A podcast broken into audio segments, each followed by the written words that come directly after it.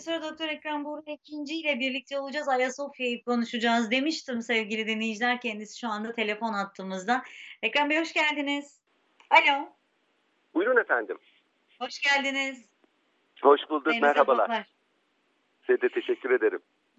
E, Ayasofya'yı konuşacağız bugün dedim. Aslında bizim hep konuştuğumuz bir konu ama e, hep be- belli bir noktaya gelince Ayasofya ile ilgili ne olacağı belli değil diyorduk. Artık o belirsizlik ortadan kalktı. Ayasofya e, artık e, bir cami olarak ibadete açılacak. İlk cuma namazına çok az kaldı. Nasıl bir düzenleme yapılacak? Neler değişecek? Nasıl ziyaret edilecek? E, sosyal medya hepimizin beklediği bir şeydi. Sosyal medyada herkes bunu konuşuyor. Biz de bugün geçmişten bugüne biraz Ayasofya'yı konuşalım. E, Ayasofya'ya Türklerin yaptığı katkıları konuşalım. E, Evet. ibadete açılması ile ilgili girişimleri konuşalım ve geldiğimiz noktayı değerlendirelim istiyoruz.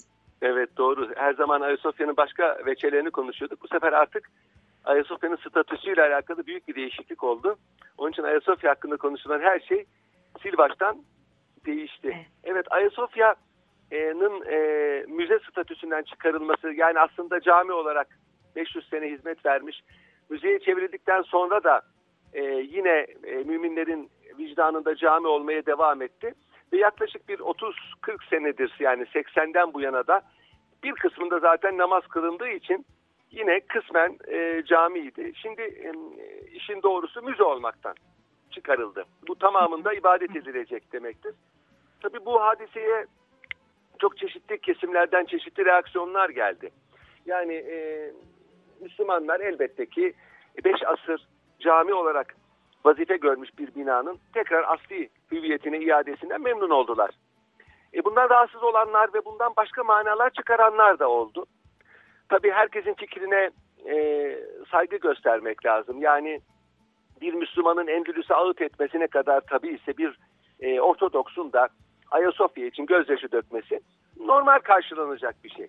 Yani neden kiliseye ama e, bu tarihte olmuş hadiseler artık. Yani asırlar önce bir savaş Bir olmuş. de şu anda kilise olarak değildi zaten. Kilise olarak kullanılmıyordu. Şimdi belki Papa'nın kilise açıklamalarına da geleceğiz buradan ama Evet. yani zaten kilise olarak kullanılan bir yerde değildi sonuçta. Değildi. Yani bu acaba şu mu? Yani madem kilise olmuyor, cami de olmasın manasına geliyor. Hatta geçen Papa bir açıklama yaptı. Çok üzülüyorum. E, Papa'nın açıklamasını ben yadırgadım doğrusu. E, madem bir din adamı yani böyle bir yerde en azından ibadet edilmesini savunması beklenir. O müze olarak kalmasını tercih ediyordu. Kaldı ki bu da enteresandır. Yani Papa vaktiyle Ayasofya'da ibadet eden Hristiyanları aforoz etmişti. Ve e, Latinleri kışkırtarak İstanbul'a gönderdi biliyorsunuz. E, 13. Hı hı. asırda 50 sene Latinler İstanbul'un anasını ağlattılar ve e, İstanbul'un Ortodoks halkı dedi ki biz e, Katolik külahı görmektense Türk sarığını tercih ederiz dediler. Yani onun için bu açıklamaları ben çok e, samimi bulmuyorum doğrusu. Biraz E siyasi bir parantez açalım alakalı. buna isterseniz. Ee, Katoliklerin Ayasofya'da ibadet ettiği için onları Ayaso e, aporoz eden Papa şimdi çok üzgün olduğunu açıklıyor. Evet işte bunu bunu ben e, biraz Hı hı. samimiyetsiz buluyorum ve siyasi konjüktürün icabı konuşmalar bunlar. Gerek Avrupa Birliği'nden, gerek Amerika'dan, gerek başka yerlerden. Biliyorsunuz hükümet nezdinde hiçbir menfi şey gelmedi. Şahıslar protesto ediyor. Bu Hı hı. aslında çok ciddiye alınacak bir şey değil. Mesela Rus hükümeti Ortodoks olduğu halde e, bundan hiçbir üzüntü duymadı. E, turistlerin de serbestçe yani Müslüman olmayanların da serbestçe gezmesini ümit ediyoruz dedi ki zaten e, bu Evet. olan budur. Yani şimdiye kadar Hı hı. hangi cami vardır ki bir köy camisine bile bir gayrimüslim gidip gezmek istese hiçbir engel yoktur buna. Hem İslami olarak engel Evet. yoktur hem kanuni olarak bir engel yoktur. İşte Sultanahmet Hatta- Camii en çok turistlerin gezdiği yer. Evet. Hatta en güvenilir yer olarak kabul edilir. Tabii. camidir, ibadethanedir. Ee, Doğru. girip rahatlıkla gezebileceğiniz gibi kalabilirsiniz de içinde şartlarına Tabii, uygun tabii. şekilde. Elbette elbette camiler aynı zamanda tabii bu e, fonksiyonu da vardır. Onun için Ayasofya hakkında söylenen e, şimdiye kadar söylenenlerin hemen hepsini ben e, siyasi malzeme olduğunu düşünüyorum. Yani hiç kimsenin Ayasofya hakkında e, rasyonel, akılcı düşündüğünü e, zannetmiyorum. Geçenlerde bir e, benim de hocam olan bir idare hukuku profesörü e, Cumhuriyet hukuku çiğnendi. Osmanlı hukukuna dönüş diye bir e, konuşma yaptı. Ben çok üzüldüm. Gayri hukuki bir konuşma. Şöyle ki e, bir kere mülkiyet hakkı hukuk üstüdür. Yani hukuk sistemi değişir, kanun değişir, hatta devletler değişir ama mülkiyet hakkı baki kalır. Ona hiç kimse el koymaz. Bir yer işgal edilir, hususi mülkiyete yeni efendiler el koymazlar. Bir kere bu mühim. İkincisi Cumhuriyet kanunlarında, vakıflar kanununda diyor ki camiler öteden beri cami olarak kalırlar. Bunu cami olmaktan çıkarmak caiz değildir. Vakıflar kanunda hüküm var. Cumhuriyet devrinde çıkarılmış. Cumhuriyet dönemi kanunu. Evet ama fiiliyatta tek parti döneminde buna riayet edilmemiş, camiler tasnif edilmiş, kapatılmış, satılmış, yıkılmış o ayrı bir tatbikat. O hukuka aykırı bir tatbikattı. Yani Cumhuriyet'in kendi koyduğu kanunlara aykırı bir tatbikattı. Ayasofya'nın müze olması da yine Cumhuriyet kanunlarına aykırıydı.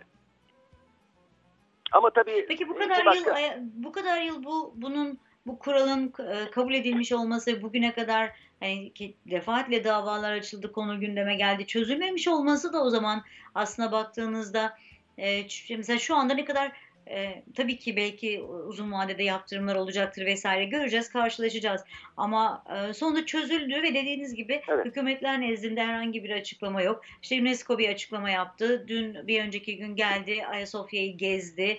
E, ne olacağı konuşuldu. Kaldı ki e, camiden kiliseye dönmüş e, Kurtuba'dan bahsediyoruz mesela Kurtuba Camii'nden katedrale Evet. döndü. Onun için e, küçücük bir yerinde bile olsa ibadet edebilmek istiyoruz diyen Müslümanlar defaatle geri çevrildiler. Evet, doğru. Doğru. Şimdi yani UNESCO'nun e, kendine göre teknik endişeleri olabilir. Bunlar e, izah, izahatlarla e, giderilir ve tekrar eski haline döner. Onların da biraz fevri açıklamalar olduğunu ben düşünüyorum. Yani Ayasofya'nın cami olmasıyla kilise olması, müze olması arasında bir fark yok. Kültür mirası olması açısından. Onun bazı e, teknik ve e, milletler arası hukuktan kaynaklanan şartları var. Bu şartlara riayet edildiği müddetçe bu bunlar biraz anladığım kadarıyla bir infialin, bir reaksiyonun yani söylemesek olmaz gibisinden. Biraz da tabii Tepkisiz mi kalalım düşüncesiyle söylenmiş Türk şeyler herhalde. Türk hükümetiyle gündelik politikadan kaynaklanan e, bazı e, sebepleri var. Yani Türk hükümeti olan bazı anlaşmazlıklar için bu vesile ediliyor. Yani bu normal bir şey. Bu, bu her devirde olacak bir şey. Yani Ayasofya için de bir aynı şeyi söylemek mümkün. Şimdi müze haline dönüştürülmesi bir inkılap eseridir. Şimdi bütün inkılapların ilk zamanlarında e, o inkılabın hızıyla bazı şeyler olur. Yani nahoş şeyler olur, hukuka aykırı şeyler olur. Bu Fransa ihtilalinde de olmuştur. Rus ihtilalinde de olmuştur. Bizde de olmuştur. Ama zamanla ortalık yatışır ve her şey normale döner. Fransa'da bunu Napolyon yaptı. Fransa ihtilalinin aşırılıklarını törpüledi. Normal bir Fransa meydana getirdi. Rus ihtilalinin aşırılıklarını biraz geç de olsa Gorbaçov ve Yeltsin e, törpüledi. E, Türk ihtilalinin, Kemalist ihtilalinin aşırılıkları 1950'den itibaren hatta İnönü zamanından itibaren yavaş yavaş bazı şeyler terk edilerek normale döndü. Şimdi e, 20'lerin 30'ların dünyasını savunmak, e, onu idealize etmek e, bu garip bir e, yaklaşımdır. Yani o zaman tamam Ayasofya belli bir maksatla e, cami olmaktan çıkarılmıştır. İster hukuka aykırı değil, ister bazılarına taahhüt vermek için değil, bunun için yapıldı. Yani Balkan e, Antantı'nda Yunanistan'ı bizim tarafımıza çekmek için yapılmış bir jesttir bu. Arkasında başka şeyler arayanlar da var. E, şimdi bu devir değişti artık. Yani bu konjonktür ortadan kalktı. Hala daha o zaman öyleydi şimdi böyle olsun demenin bir manası yok. Yani nitekim e, tek parti devrinden 1945'te çok partili sisteme geçildi ki bu Kemalist inkılabı ruhuna aykırıdır. Tek parti olması lazımdır. E, dernekler, cemiyetler açıldı, sivil toplum örgütleri var. E, bunlar halkçılık ilkesine aykırıdır. E, liberal ekonomi bugün tatbik ediliyor. Hatta o zamandan beri e, bu devletçilik ilkesine aykırıdır. Demek ki zaman içinde bazı şeyler oturuyor. Bunu çok mesele yapmak doğru değil. Milletin e, menfaatine olmuyor. Peki hukukçu kimliğinizle bir bakar mısınız meseleye? Ee, işte e, alınan kararların hukuki olmadığı yani şu andaki hukuka uydu ama onunla beraber başka problemler de getirebileceği konusunda açıklamalar yapan hukukçular var. Biraz önce söylediğiniz gibi e, profesörlerimiz var açıklama yapıyorlar. Evet. Bunun kesinlikle hukuki olmadığını söylüyorlar. Sizin konuyla ilgili yorumunuz nedir? Alınan karar hukuki midir? Bundan sonra yeni davalara e, ya da ne bileyim boşlukları sebebiyle yeni davalara yol açabilecek bir karar mıdır bu? Şimdi e, bu meyanda bazıları diyor ki madem Ayasofya Kilise'ydi niye cami yaptınız? Yani e, şimdi müzeyken rahatsız oluyorsunuz. tekrar camiye dönüştürüyorsunuz o zaman kiliseye dönüştürün. Nitekim bunu teklif edenler de oldu. Yalnız şimdi şunu söylemek istiyorum. Bu hadise 1453 senesinde oldu. Yani Orta Çağ'la Yeni Çağ'ın geçiş döneminde. O zamanın hukuk sisteminde bir yer barış ile sulh ile alınırsa buradaki e, kiliselerin statüsü o anlaşmaya göre, ahitnameye göre tayin edilir. Nitekim Kudüs Hazreti Ömer zamanında sulh yoluyla alındığı için kiliseler olduğu gibi bırakıldı. Şimdi onu misal gösteriyorlar mesela. Hatta Hazreti Ömer kıyamet kilisesinde namaz kılmadı. Müslümanlar sonra burayı cami yaparlar diye. Ama bunu Ayasofya'ya benzetmek doğru değil. Çünkü İstanbul harp ile alındı. Harp ile fethedilen yerlerdeki mabetler hükümdarın inisiyatifine bırakılmıştır. Hukuken. Ayet-i kerime ve hadis-i şerifler böyledir. O zamanki hukuk budur. İslam hukukudur. Hükümdar isterse bunları kilise olarak bırakır. İsterse bunların tamamını cami yapar. İsterse bunları ev yapar. Mektep yapar. Devlet dairesi yapar. Bunun hesabını soramazsınız. Bu hukuki bir tasarruftur. Osmanlılar bir yeri fethettikleri zaman mabetleri, kiliseleri yıkmıyorlar. En büyüğünü cami yapıyorlar. Geri kalanını ya kilise olarak bırakıyorlar veya camiye dönüştürüyorlar. Burada hukuk aykırı bir şey yok. Siz nasıl kiliseyi cami yaparsınız diyemezsiniz çünkü harp hukukunun neticesi budur. Bugün biz de Peki tutup da kılıç hakkı değildir diyenler var. Ha yok, işte yanlış söylüyorlar. Onlar İslam hukukçusuyum. İçin bu, burada benim benim sözüm geçer. Kılıç hakkı demek halkın verdiği bir e, e, tabir. Yani Hı hı. savaşla fethedilen yerlerdeki bütün menkuller ganimet olur. Yani galiplerin olur. Bütün gayrimenkuller galiplerin olur. Hatta esirlerin tamamı keza böyle. Şimdi bunu bilmek lazım. Savaş hukuku o zaman böyleydi. Sadece kiliseler değil, oradaki bütün arazi galiplere aittir. Yani bu bunun hukuken böyle bu. Bütün hukuk Hı hı. kitaplarında bu böyle yazar. O zaman için söylüyorum. Dolayısıyla e, Ayasofya'nın kiliseye dönüştürülmesi o zaman geçerli olan pozitif hukuka uygundur. Bu e, fethedilen yerlerin beşte biri devlete aittir. Beşte dördü gazilere aittir. Beşte birinin de beşte biri hükümdara aittir. Hükümdar bunlardan seçer. Fatih Sultan Mehmet Ayasofya'yı seçmiş. Burası benim demiş. Böyle bir hakkı var hukuken. Kur'an-ı Kerim veriyor ona bu Hı hı. hakkı. Burayı da ben cami yaptım demiş. Vakfetmiş. Vakıf en temel bir mülkiyet hakkı tezahürüdür. Dünyanın her yerinde vakıflara saygı gösterilir. Şartı vakıf nasıl şari gibidir. Yani vakfedenin koyduğu şart ayet hadis gibidir. Değiştirilemez diye bir hukuk prensibi var. Dünyanın hiçbir yerinde vakıflara kolay kolay dokunulmaz. Ancak çok totaliter idareler müstesna olmak kaydıyla. Yani İngiltere bir yeri işgal ediyor. Mesela Filistin, Irak. Oradaki vakıflara dokunmuyor. Yunanistan keza öyle. Bir kere Ayasofya'nın cami olarak kalması vakıf hukukunun, milletler arası vakıf hukukunun neticesidir. Diğer gelelim Cumhuriyet devrine. Cumhuriyet devrinde ise Osmanlı'dan kalma vakıfların olduğu gibi devam edeceği, camilerin cami maksadı dışında hiçbir maksatta kullanılamayacağına dair kanun var. Buna rağmen Ayasofya müzeye çevrildi. E, bu hukuka aykırıdır. E, bunu o zaman sorabilecek bir otorite yok. Çünkü neticede bu devrim zamanı. E, o zaman Atatürk başta. Yani Atatürk'ün hatta dediler ki imzası sahte. Hayır Atatürk'ün istemediği bir şey o zaman olmazdı. Ama dediğim gibi inkılap devirleri onlar.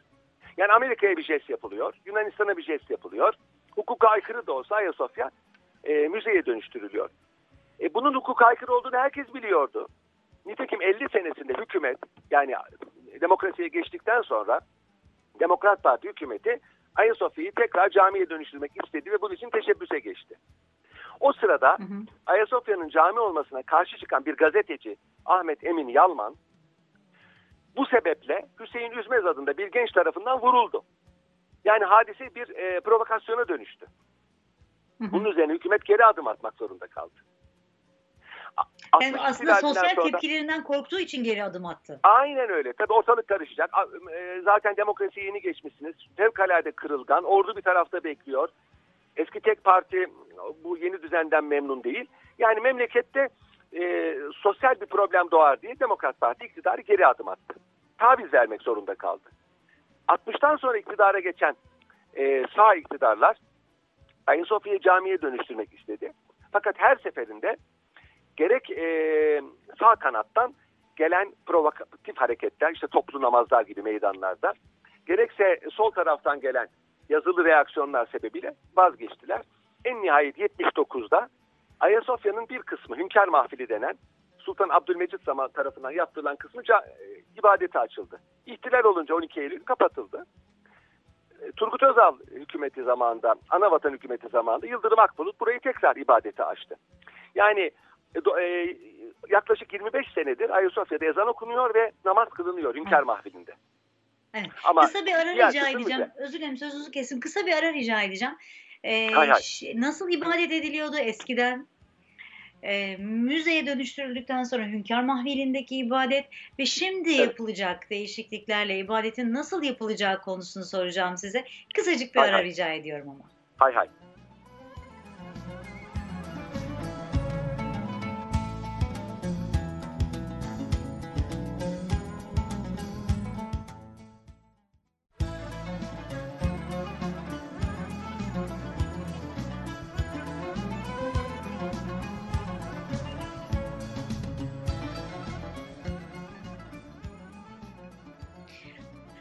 Profesör Doktor Ekrem Buğra ikinci ile sohbetimiz devam ediyor. Ayasofya'yı konuşuyoruz. Tekrar merhaba Ekrem Bey.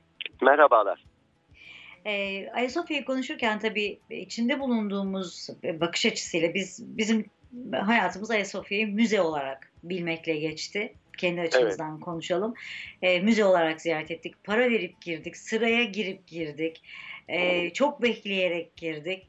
Ee, şimdi artık girişler değişecek. Sosyal medyada da bununla ilgili e, çok e, güzel cümleler vardı. Benim ilk aklımda kalan parayla girdiğimiz yere artık abdestli gireceğiz cümlesi oldu. Böyle bir paylaşım yapılmış Twitter'da. Ee, ne değişecek şimdi Ayasofya ile ilgili? Eskiden nasıl ibadet edilirdi? Bir onu konuşalım. Bir de şimdi özellikle bu restorasyon çalışmaları sonrasında ikonaların ortada olması, görülmesi ibadeti nasıl etkileyecek? Nasıl bir şekil değişikliği olacak? Evet. Bundan önce geçen kısımda eksik kalan bir hususu tamamlayayım. O da şu. Şimdi e, Ayasofya 1934 senesinde bir Bakanlar Kurulu kararıyla müzeye dönüştürülmüştür. E, idari tasarruflar aynı idari tasarrufla geri alınabilir. Yani hükümet şunu yapabilirdi. Bugün e, Bakanlar Kurulu kararnamesinin yerine Cumhurbaşkanı bak başkanlığı kararnamesi almıştır. Cumhurbaşkanı tek taraflı bir kararnameyle Ayasofya'yı ben müze olmaktan çıkarttım, tekrar camiye dönüştürdüm diyebilir. Bu hukuken mümkündür. Hukuk aykırı değildir. Yani hukuk aykırı diyenler yanılıyorlar. Yani idari bir tasarruf başka bir idari tasarrufla geri alınabilir. Kaldı ki 34 kararnamesinin de zaten hukuka aykırı olduğunu söylemiştik. Şimdi peki bunu niçin yapmadı hükümet? Şunun için yapmadı. 2016 senesinde bir cemiyet, şimdi aynı bu e, müze kararının kaldırılmasına vesile olan cemiyet, Danıştay'a müracaat etti. İdari tasarruflar yani hükümetlerin yapmış olduğu her çeşit tasarruf, kanunlar değil, kanunlar Anayasa Mahkemesi'ne gider. Danıştay'a götürülür. İtirazı olanlar oraya götürülür. Der ki bu hukuka aykırıdır. Danıştay bakar, evet hukuka aykırıdır, iptal eder. Veya hayır hukuka uygun der. Bu e, cemiyet dedi ki bu 1934 kararnamesindeki imza sahte. Atatürk'ün imzası değil. E, resmi gazetede yayınlanmamış, numarası da yanlış. Bu sahtedir dedi. Danıştay bu talebi reddetti. Çünkü imzanın sahte olup olmadığı e, tartışılır. E, o zaman Atatürk'ün zaten soyadı aldığı gün, o gün. O gün soyadı almış. Yani imzanın henüz acemice atılmış olması mümkündür. Kaldı ki o zaman Atatürk'ten habersiz hiçbir şey yapılamadığı gibi sonraki fiili durumda zaten bu işte Atatürk'ün rızasını gösteriyordu. Danıştay bunun için reddetti. Bu sefer cemiyet başka bir şeyle müracaat etti. Doğru olanı yaptı. Bu dedi şey hukuka aykırı. Vakıf hukukuna aykırı dedi. Hem Osmanlı vakıf hukukuna hem Cumhuriyet vakıf hukukuna hem insan haklarına mülkiyet hakkına. Ve Danıştay bunu kabul etti. Şimdi hükümet eğer tek taraflı kararname ile müzeye çevirseydi yarın bir gün e, muhalefet veya başkaları yılla- yıllar sonra bunu Danıştay'a götürüp iptal ettirebilirdi. Hükümet Danıştay'ın karar vermesini bekledi. Şimdi Danıştay bu e, 1934 kararnamesinin hukuk aykırı olduğuna karar verdi ya onun üzerine hükümet e, Ayasofya'yı camiye dönüştürdü. Şimdi bundan sonra hiç kimse Danıştay'a müracaat edip Ayasofya'nın tekrar camiye dönüştürülmesi hukuk aykırıdır diyemez. Çünkü mahkeme kararları kesindir. Kesin hüküm teşkil eder. Aynı gerekçeyle Danıştay'a müracaat edemezler. İşi sağlama almak istedi. Bu bir. Yani artık bundan sonra tekrar geri dönüş için bir başvuru olmasın diye aslında bu yol izlendi. Doğru mu Evet anlıyorum? efendim bu yol onun için e, e, takip edildi. Yani çok fevkalade bir sistem olmazsa yani e, gayri hukuki bir e, tatbikat olmazsa bir daha bu Ayasofya'nın müzeye dönüştürülmesi veya cami olmaktan çıkarılması mümkün değil. Çünkü vakıf hukukuna aykırıdır. İkinci bir husus, e, bunu atladık. Dünyanın her yerinde böyle yerler var. Kurtuba Camii bugün cami olmaktan çıkarılmış, müze yapılmıştır. İçinin bir kısmı şapeldir, kilise olarak e, vazife görüyor. Hiç kimsenin Kurtuba'yı niye cami yapmıyorsunuz dediği yok. Olan olmuş, tarihi bir hadise, mağlup olmuşsunuz, çekilmişsiniz, cami elden gitmiş. Şam'daki Ümeyye Camii Yunan mabediydi. Sonra Roma mabedi oldu. Sonra kilise oldu. Sonra cami oldu. E, dünyanın her yerinde böyle e, mabetler var. Sicilya'da Sirakuza Katedrali eskiden Yunan mabediydi. Müslümanlar fethettiği zaman cami oldu. Müslümanlar çekilince tekrar kiliseye dönüştürüldü. Yunanistan'da Atina'nın sembolü olan Parthenon bir Yunan mabediydi. Romalılar işgal etti Roma mabedi oldu, Mitra mabedi oldu. Sonra Hristiyanlığın zuhuruyla kilise oldu. Fatih Sultan Mehmet Atina'yı fethettince camiye dönüştürdü. Türkler Atina'dan çekilince e, kilise ve arkasından şu anda müzedir. Roma'daki e, Pantheon meşhur, herkesin ziyaret ettiği eski bir Yunan mabediydi. Sonra Roma mabedi oldu. Sonra kilise oldu. Yani bunlar niçin insanları rahatsız ediyor? Mabetler o zamanki sosyal, siyasi ve tarihi şartlarla e, değiştirilebilir. Üçüncü bir husus söylemek istiyorum. Ayasofya'yı e, Doğu Roma İmparatorluğu yaptırdı. Doğru. Kilise olarak yaptırdı. Doğru. Ama Ayasofya'yı ayakta tutan Osmanlı Türkleri oldu. Bunu herkes söylüyor. Fetihten öncesinden itibaren tamire başladılar. Bugün Ayasofya ayaktaysa Osmanlı Türkleri sayesindedir. Ve bana sorarsanız, sanat tarihçilerin pek çoğu da buna katılıyorlar. Ayasofya bir Roma eseri olduğu kadar bir Osmanlı eseridir de. Onun için Osmanlı Türklerinin burada evet eklemeleriyle, tamiratıyla yani Hı-hı. yoksa yıkılırdı. En son Sultan Abdülhamit zamanında tamir edildi. İki büyük tamir var. Birisi Sultan II. Selim, birisi de Sultan Abdülmecit devri tamirleridir.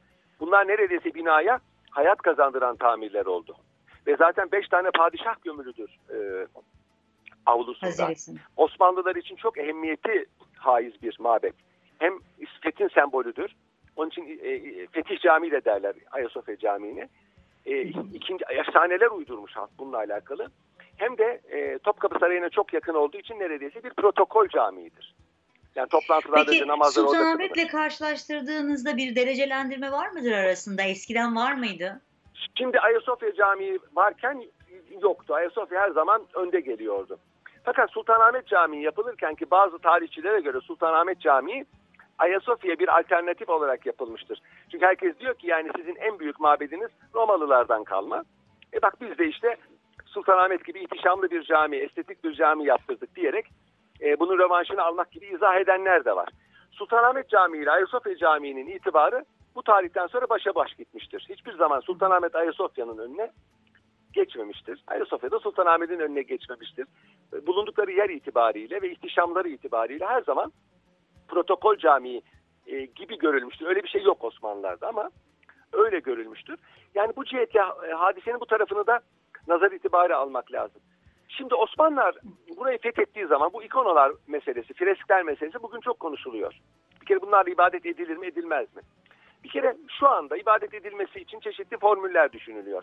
Mesela bunlardan bir tanesi bir asma tavan yapılabilir. Şimdiki teknikle üst kata e, orada rahatça gezilebilir. Alt kattan kubbe gözükmez. Bu e, asma tavan e, mihaniki yani hareketli olabilir.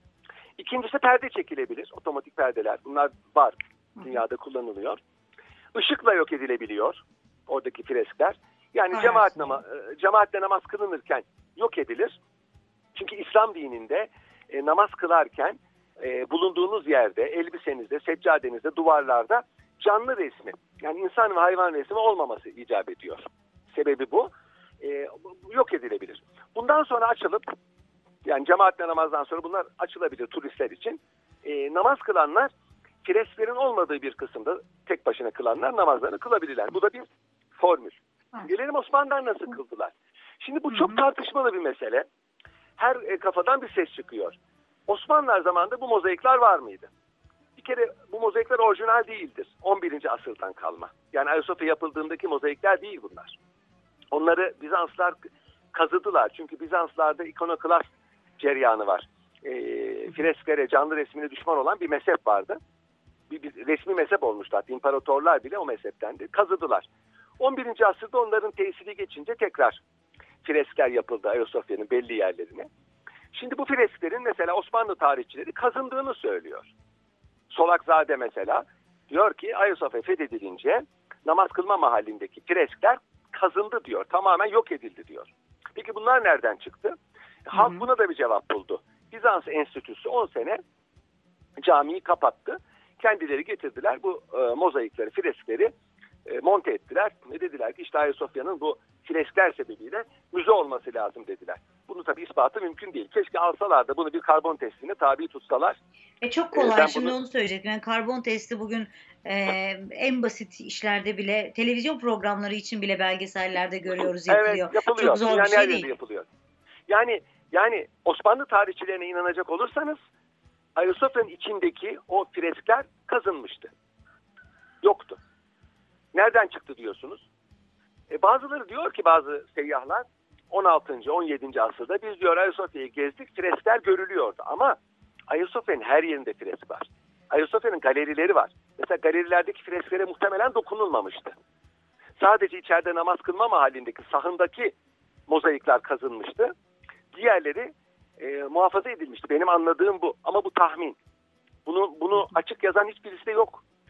E, Sultan Mecit zamanında bu e, mozaiklerin dökülmesi tehlikesi sebebiyle e, o zamanki mimar e, bunu alçıyla sıvamış. Dökülmesin diye. Semavi İyice vardı rahmetli sanat tarihçisi ve Bizans mütehassısıydı. O dedi ki ben Ayasofya müze yapılmadan önce gezdim. E, freskler gözük e, alçıların altından bir şeyler oldu gözüküyordu. Silüet olarak Hmm. dedi. Kabartma Ama işte ben o zaman belki. sormadım ki. İşte ben o zaman sormadım ki rahmetliye. Hocam içeride miydi bu freskler? Galerilerdeki miydi? Onu sormadım. Şimdi sormak Hmm. mümkün değil. Yani bu e, mozaikler meselesi müpem bir mesele. Osmanlılar zamanında var olup olmadığı müpem.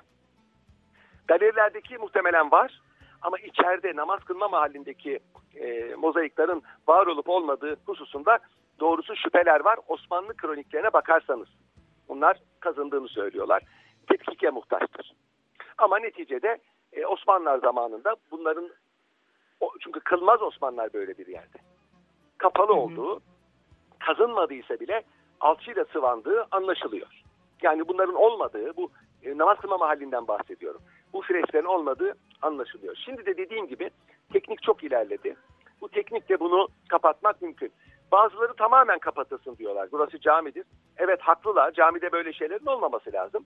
Ama zaten Ayasofya e, binbir zahmetle, zorlukla Açın. müzeden camiye dönüşmüştür. Hı hı. Şimdi bunu da e, tatbik edecek olursanız bu çok büyük infiale ve reaksiyona sebebiyet verecektir. Onun için burada biraz temkinli durmakta e, fayda var.